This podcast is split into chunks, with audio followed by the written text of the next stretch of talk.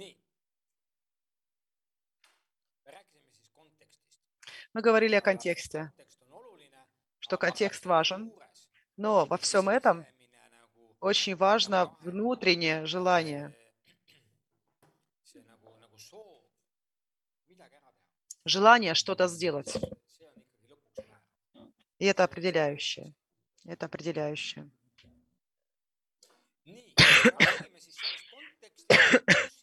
Давайте тогда поговорим о контексте, в котором мы сегодня с вами работаем и действуем.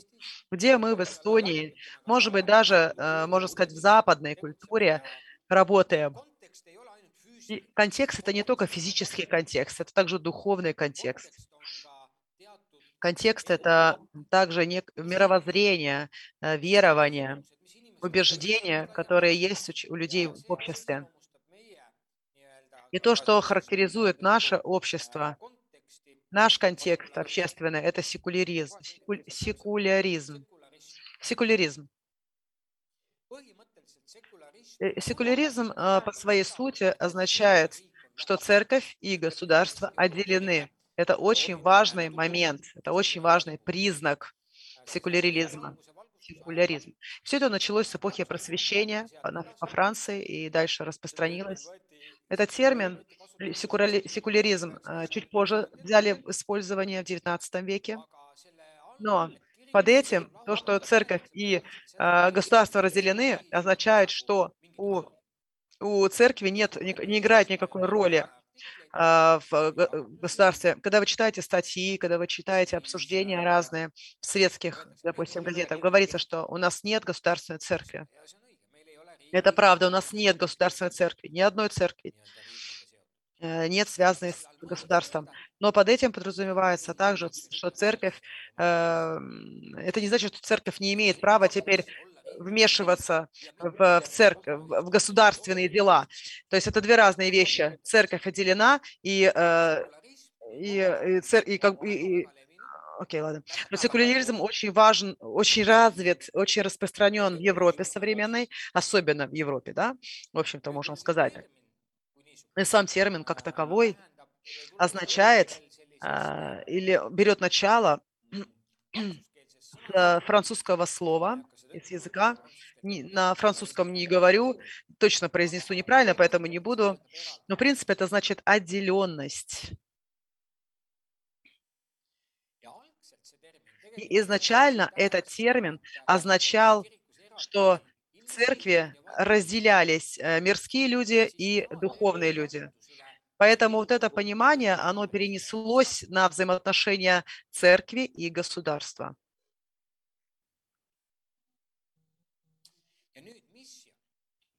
Миссия, миссия, миссия в секулярном обществе. Для нас, для нас, э, ну, такой как, может быть, вызов, э, потому что Кристендом, вы помните, да, это, это совместная работа церкви и а, государства в Средневековье. И поэтому церковь, она, церковь сделала ошибки. Даже если мы возьмем в Средневековье э, крестовые походы, которые до сих пор как претензия к христианству да, произносятся, и в то время использовали это для защиты христианства. Сегодня же эти, эти утверждения, они обращены против нас. Если вы в Эстонии встречаетесь с людьми, вы будете постоянно слышать это, рано или поздно. Но нам всегда говорили, что, о, христианство принесли сюда мечом, это насильственно принесли нас, это не наша вера, это не наша.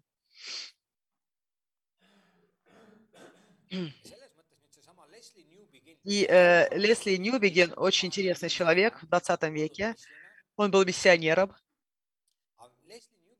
И Лесли Ньюбиген, он думал, а, он размышлял над этими темами. Он был миссионером, он был священником. Последние десятилетия он был теологом. Он написал очень важные такие значимые вещи. Если вам интересно, если вы хотите как-то делать свою дипломную работу на тему миссии, то, в общем-то, вы, скорее всего, встретитесь вот с этим, с Лесли Ньюбигеном. И он как раз и говорит о том, что мы должны на Западе снова объяснять и рассказывать историю об Иисусе и являть эту историю своей жизнью.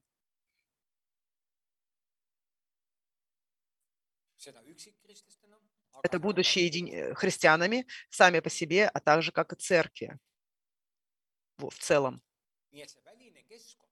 Поэтому внешняя обстановка, внешнее общество, в котором мы живем, оно бросает нам вывод, ой, вызов, бросает нам вызов, вызов, чтобы пре- э, преодолеть секуляризм, секуляри- секуляризм и показать людям Иисуса, явить Иисуса своими жизнями, явить а, Иисуса самим, самим, самим собой. И теперь вы уже видите, что на самом деле миссия и церкви, рост церкви очень связаны друг с другом. И мы с вами говорили также об этом уже ранее. Секуляризм – это один, одна такая большая па- парадигма, в которой мы живем. Вторая парадигма, в которой мы живем, это постмодернизм. Можно сказать, что это две стороны одной медали. Но что такое постмодернизм? Это опять-таки мировоззрение или же такой подход к жизни. И в чем он заключается? В общем-то, постмодернизм по своей сути это а, такая чу- чувственная вера. Мне чувствуется, мне кажется, что это хорошо, а вот это мне кажется нехорошо. Почему люди сегодня идут New Age, идут эти современные религии? Потому что им кажется это хорошо. Пост означает после, да? Модернизм, он, э, модернизм предшествовал постмодернизму. И модернизм, в общем-то, он основывался на научной вере, они смотр- с- где рассматривался мир э, через э, холодные факты. Например, мы можем говорить, что Бог сотворил мир за семь дней, за шесть дней,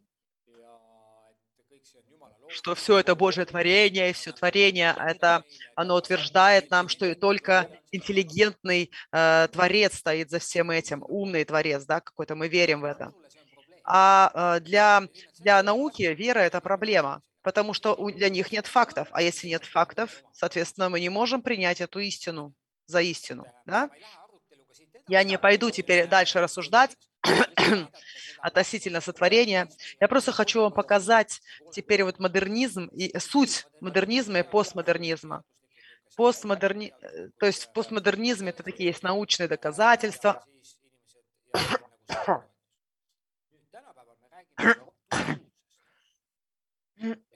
Сегодня же мы говорим больше о чувствах, когда мы идем евангелизировать человеку. И если человеку покажется, что это интересно, это при, приемлемо для него, то есть вероятность достичь его э, Иису- с Иисусом. Если, если мы... Ой, извините.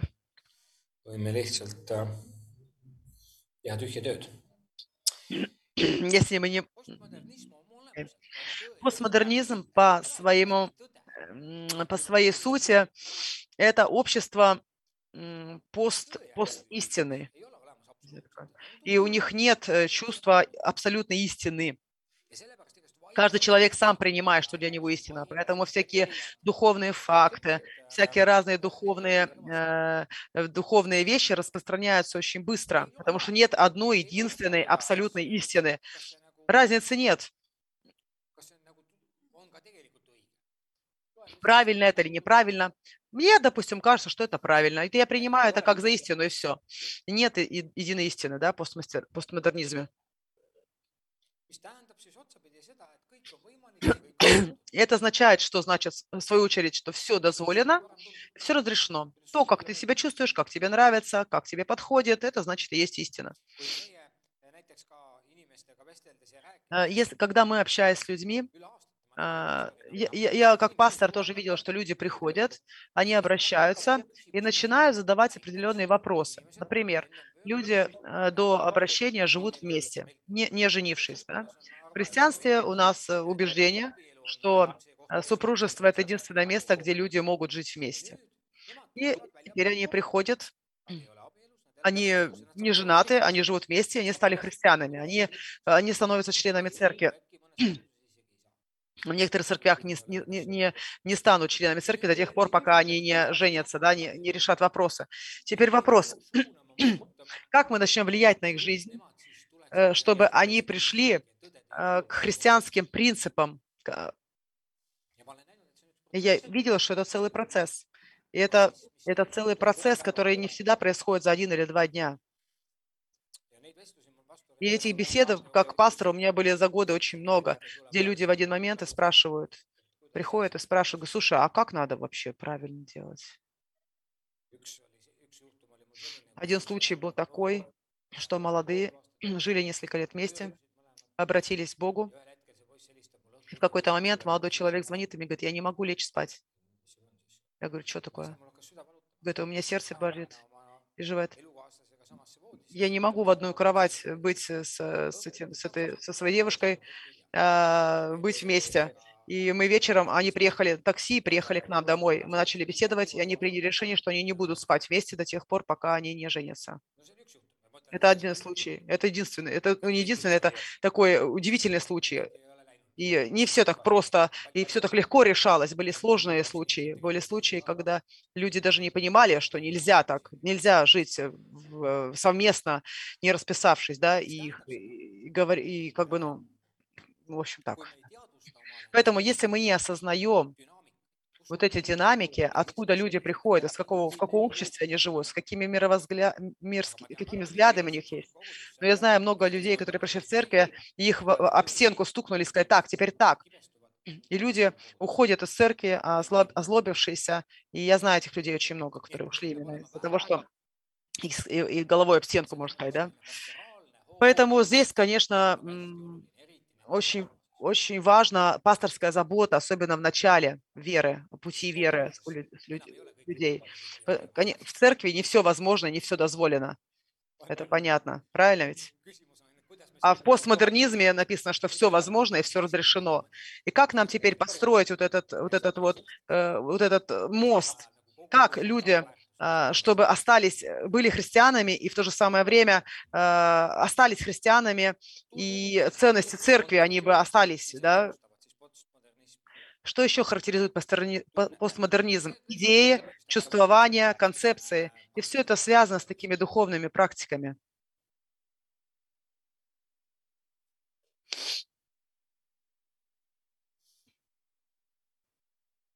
Ja И очень много здесь берется начало именно из Азии. Разные йога, подходы, философские разные подходы. Азия, Индия влияет. Люди путешествуют, это невероятно.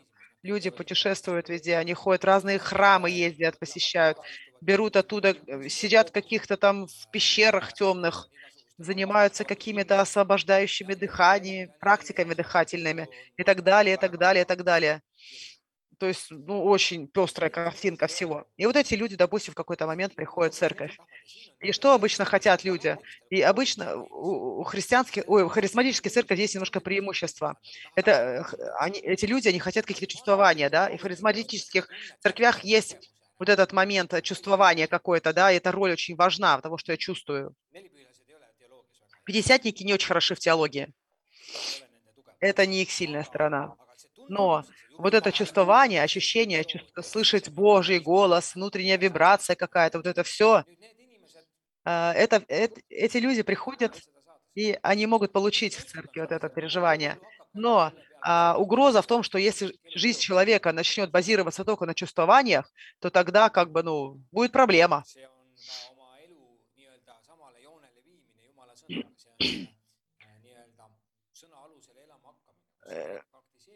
Потому что очень важно, чтобы человек стал практиковать Слово Божье. И, э, и, допустим, вот в этих практиках постмодернизма ты не должен изменять свою жизнь, ты не должен там что-то как-то... Ты просто течешь по течению, течешь по течению, и все. Тебе ничего не надо предпринимать, ни на каких истинах стоять и так далее. И в этом плане постмодернизм по своей сути, он, он, он не отвергает какую-то истину. Он не говорит, что у тебя есть правда, а у меня есть правда, а у тебя нет. Они говорят, что все правда, все есть истина. Нет единственной а, одной истины. Ты прав, я прав. У каждого из нас своя правда. Так говорят постмодернисты. Если, если ты, э, встретившись с этим человеком, начнешь сразу же свои истины да, проталкивать и говорить, нет, это так, вот только так, то тогда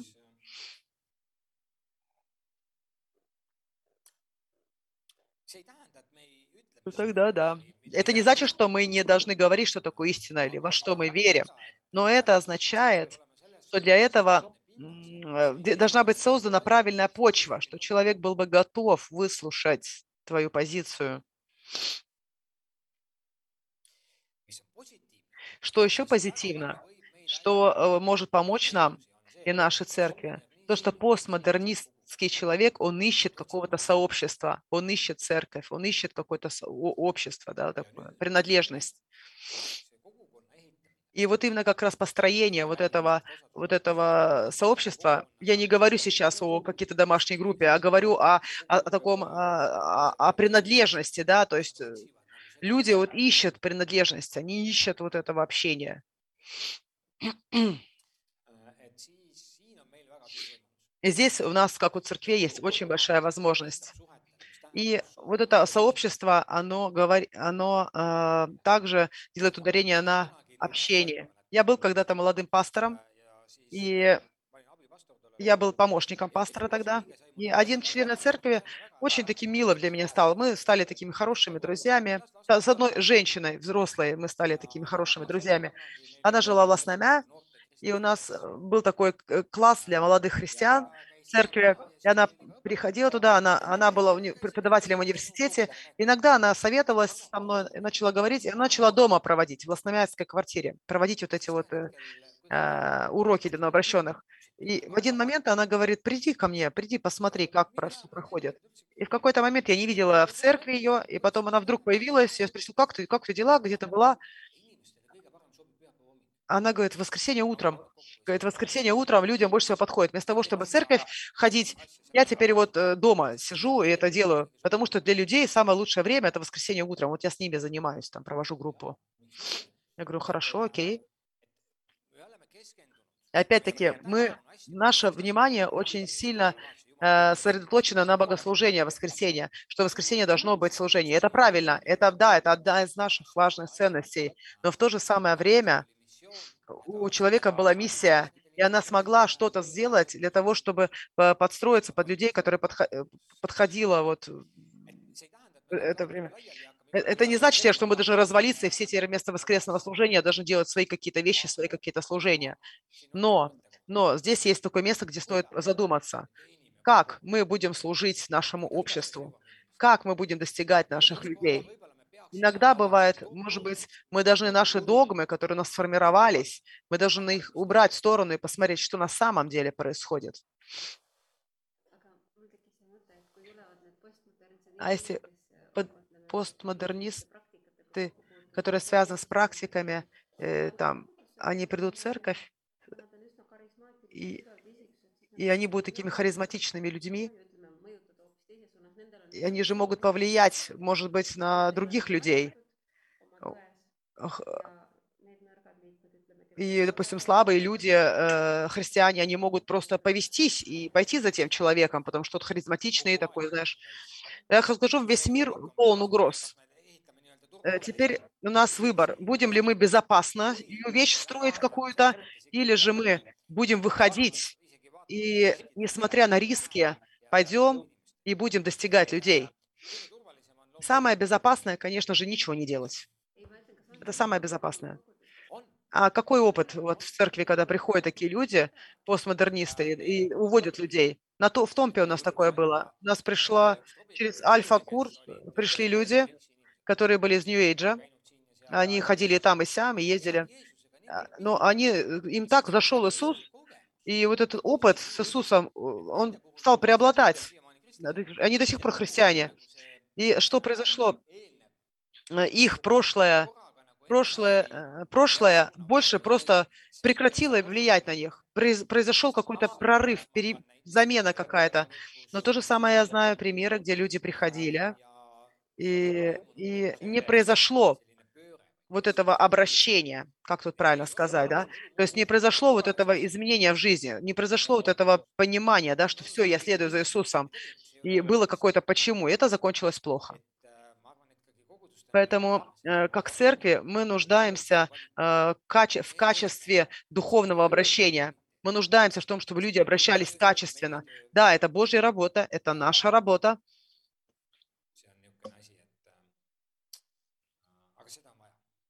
И это необходимо. Человека могут в один момент просто открыться глаза. С другой стороны, это берет время. Но очень интересно видеть, я наблюдал годы, э, как, как, как из, э, как из старого мышления перейти в новое мышление, как теперь, допустим, старое оставить и стать жить как христианин. И это по-разному на самом деле у каждого происходит. Как защищать церковь, допустим, если люди, люди еще не зрелые христиане, допустим,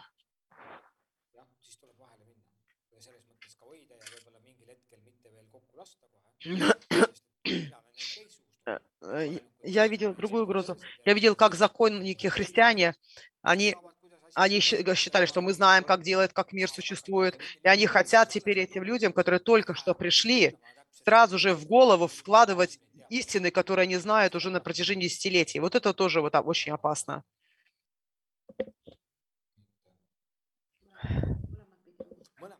В общем, с двух сторон есть угроза, да. Либо слишком законничество с одной стороны и слабина с другой стороны.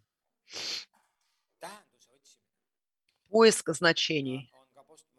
Это также свойственно э, человеку постмодернизма.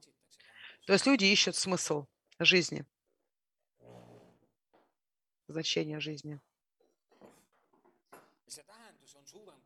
И это значение, оно больше, чем я. То есть это поиск вот чего-то такого великого, да, какой-то идеи великой.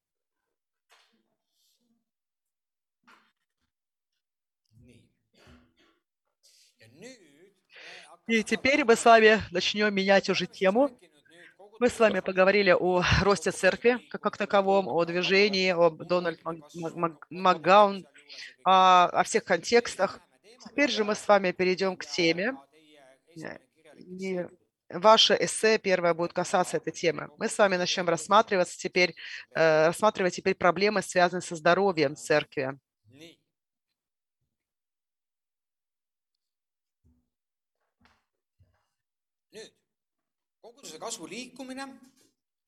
Движение по росту церкви.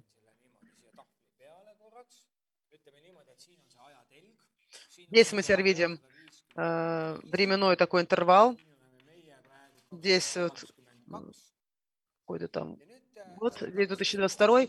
Здесь начал, отсюда началось э, движение по росту церкви.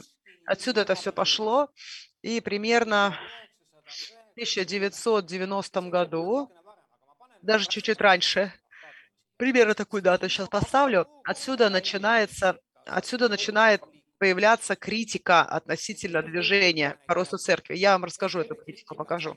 Первая критика, что ударение делается только на цифровом росте, численном росте, а не на духовном росте. И заключалась она в том, что пастора стали ощущать, что их заставляют что они должны как бы стремиться к цифровому, численному росту, что как будто бы одна цель – это численный рост. И вот этот винт, как бы слишком, гайку закрутили слишком сильно. И считалось, что ты пастор хороший и, и э, успешный только если у тебя церковь растет. Вторая критика относительно движения роста, по росту церкви, что она, а, это все было так технично, так, так искусственно, да, методологи, методично как бы, там измеряются данные, какие-то стратегии делаются. И это критика как раз э, о том, что мы с вами э, относительно того, о чем мы с вами говорили. Я поэтому показываю вам критику, чтобы вы понимали, что не все так гладко было. Э, здесь также как претензию выставили, что, а, что рост церкви – это терминол, тер, терминологичный, да, если касается евангелизма только. То есть считалось, рост церкви равно евангелизм. И автор, которого мы с вами упоминали, говорил, что церкви должны расти, церкви должны э, евангелизировать. И и он считал, что и он делал ударение только на, на проповедь Евангелия. Хотя потом, в принципе, он согласился в том, что да, социальная работа тоже может поддерживать рост церкви, что не только евангелизм. И ударение, оно э, сместилось, и э, э, ударение действительно перешло только на рост, как таковой рост. И это очень популярное, популярное слово. Если твоя церковь растет, если твой бизнес растет, то ты, значит, молодец. И это считается как бы э, признаком сегодняшнего успешного успеха и является частью вот этого успеха. Говорит о том, что ты влиятельный, ты такой молодец, у тебя все получается, ты успешный и так далее. И ударение, оно сместилось от миссии к евангелизации. Стали только стремиться все к евангелизации. Ой, к росту, к росту. Стремиться к росту стали все. Еще одна критика относительно этого движения – отсутствие теологической глубины. То есть все стало таким научным. Стали исследовать только научные методы э, для роста церкви, и стало отсутствовать, стало недоставать теологического подхода во всем этом. И Дональд Магован, он был миссионером, а не теологом. И он был таким, таким ученым миссиологом. А, может быть, больше такой практический теолог. Самая большая претензия как раз э, была э, высказана, что цифры важнее, чем здоровье церкви.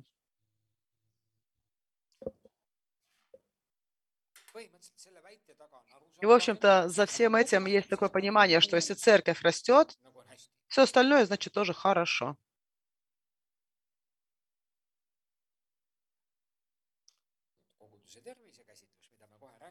И э, здоровье церкви, оно же утверждает обратное, то, о чем мы с вами будем сейчас как раз говорить.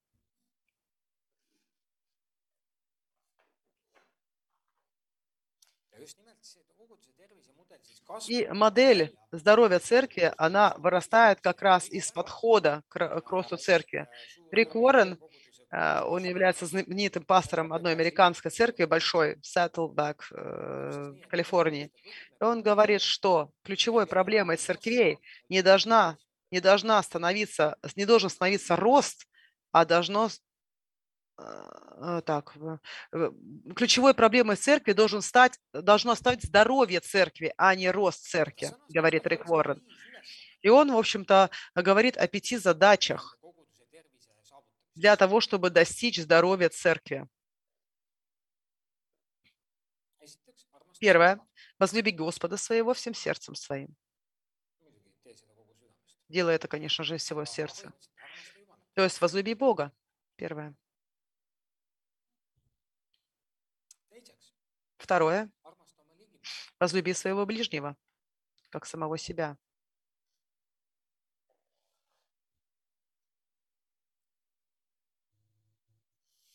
Это служение.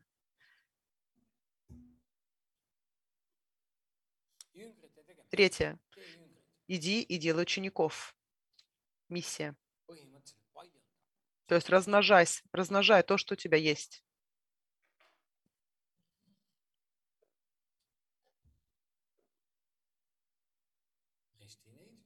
крести их и учи их послушаться. И эти пункты, они как раз опираются на местописания, которые мы с вами, которые даны вам выше на слайдах.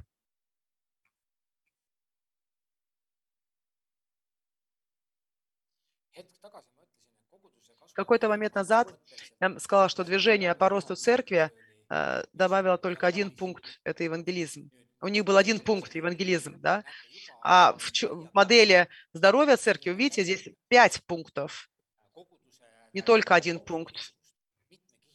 И здесь разнообразно подходит, подходит к росту, к, к здоровью церкви, не только евангелизм здесь. И здесь сказано о том, что важно, чтобы церковь сама изнутри была здоровой. Важно то, как функционирует сама по себе церковь. И для этого есть разные измерения, которые помогают нам понять. Это модель Рик Уоррена. Это его подход, мы сейчас рассмотрели.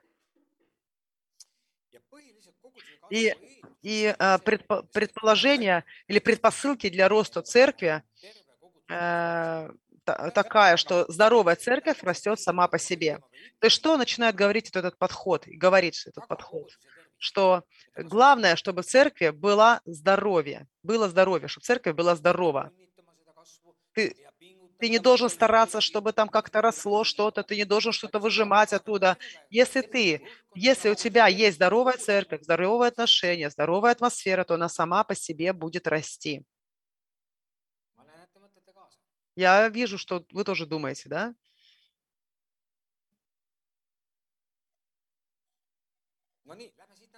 Ну, давайте пойдем дальше немножечко.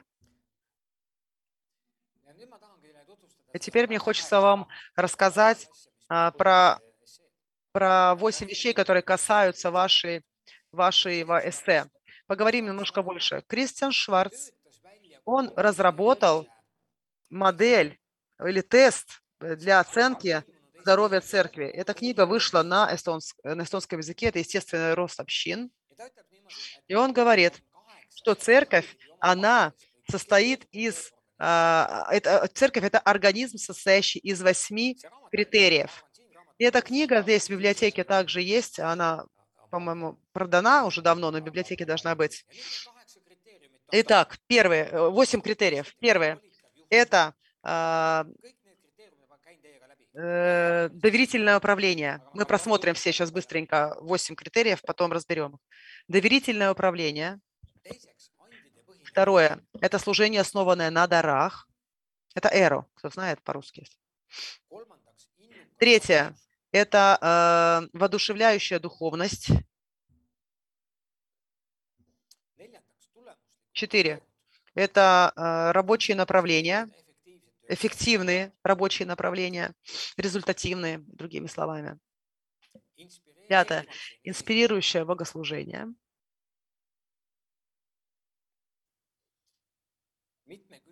Шестое. Разнообразные малые группы.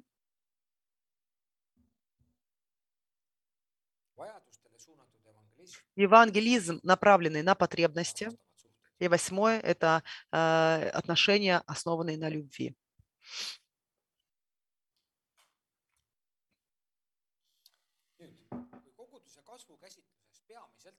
Если э, если э, в росте общин главный был евангелизм, такой самый главный, главный признак или самая вещь главная, к которой все стремились, то если рассмотреть здоровье церкви, то здесь мы можем увидеть, что картинка здесь гораздо богаче. Здесь гораздо больше аспектов, которые влияют на здоровье церкви. И Кристиан Шварц, он как раз разработал вот эту модель. Кто эстонцы, вы можете посмотреть э, вот это.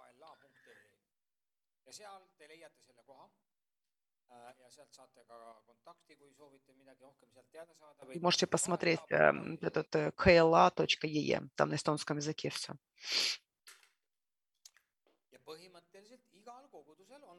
И в каждой церкви, через каждая церковь через эту страницу может ходатайствовать для своей церкви. э, анализ вот этих восьми критериев. Как в нашей церкви вот с этими критериями? Этот э, тест существует, Шварц разработал его и, в принципе, для эстонских церквей доступен. Если мы раньше говорили о измерении роста церкви через цифры, то э, если взять за основу модель э, по здоровью церкви, то она рассматривает вот эти восемь критериев. Также существует еще международная страничка, Вот такая.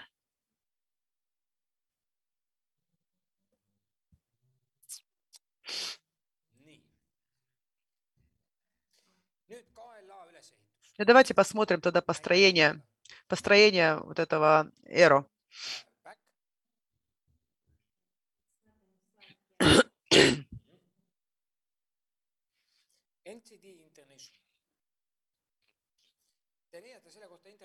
В интернете можно много информации найти об этом. Если вы вобьете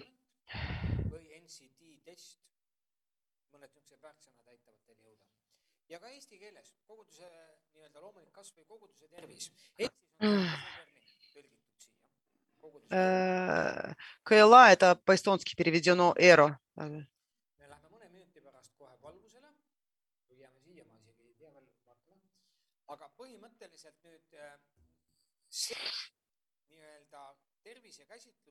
Итак, а, здесь мы можем видеть картинку. Кар- э, Мы видим эту бочку, и э, состоит из, вось- из восьми вот этих вот, не знаю, этих палок, да, и они измеряют каждую эту палочку, э, вот восемь, восемь этих палочек, да, и дают, э, täiesti. в общем, такой пример вам, чтобы понять, и показывает здесь среднее, И показывает, показывает нам среднее в каждом плане, да, А, и здесь занимается не пастор, а здесь как бы делать так, что э, результаты собираются с прихожан церкви, с лидерского состава, и потом все эти данные смешиваются, и вот является такое среднее. И Шварц говорит, что он, он сделал эти, этих тестов, могу ошибиться, может быть, но он сделал десятки тысяч по всему миру этих тестов. И его формула, на основании которой высчитывается эти принципы, они учитывают также и глобальные, э, глобальные ам, как бы специфику, да, то есть Европы специфику, России специфику и так далее. И он говорит, что если вот это здесь 65, 57, Хорошо. если или 65, допустим, да, он говорит, хорошо, тогда значит 65, это, это значит, что у вас есть э, э, рост или потенциал к росту. Если цифра меньше, чем 65 вот здесь, то это значит, что не очень хорошо дела. Если, допустим, лидершип или руководство а, здесь 43, допустим, вот эта тема, на которую стоит обратить внимание. Он говорит, что вот эти доски, и обычно вода вытекает через самую низкую, да.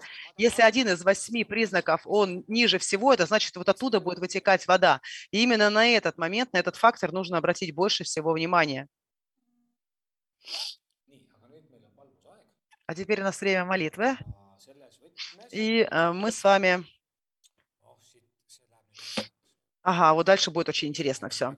Будет очень интересно дальше. А, Вообще, как интересно вот это вот, как выстроено принцип здоровья церкви. А об этом поговорим после обеда. А сейчас тогда я передаю слова, свое слово, и